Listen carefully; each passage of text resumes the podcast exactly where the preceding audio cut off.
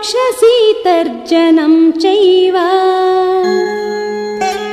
त्रिजटा स्वप्नदर्शनम् मणिप्रदानं सीतायाः।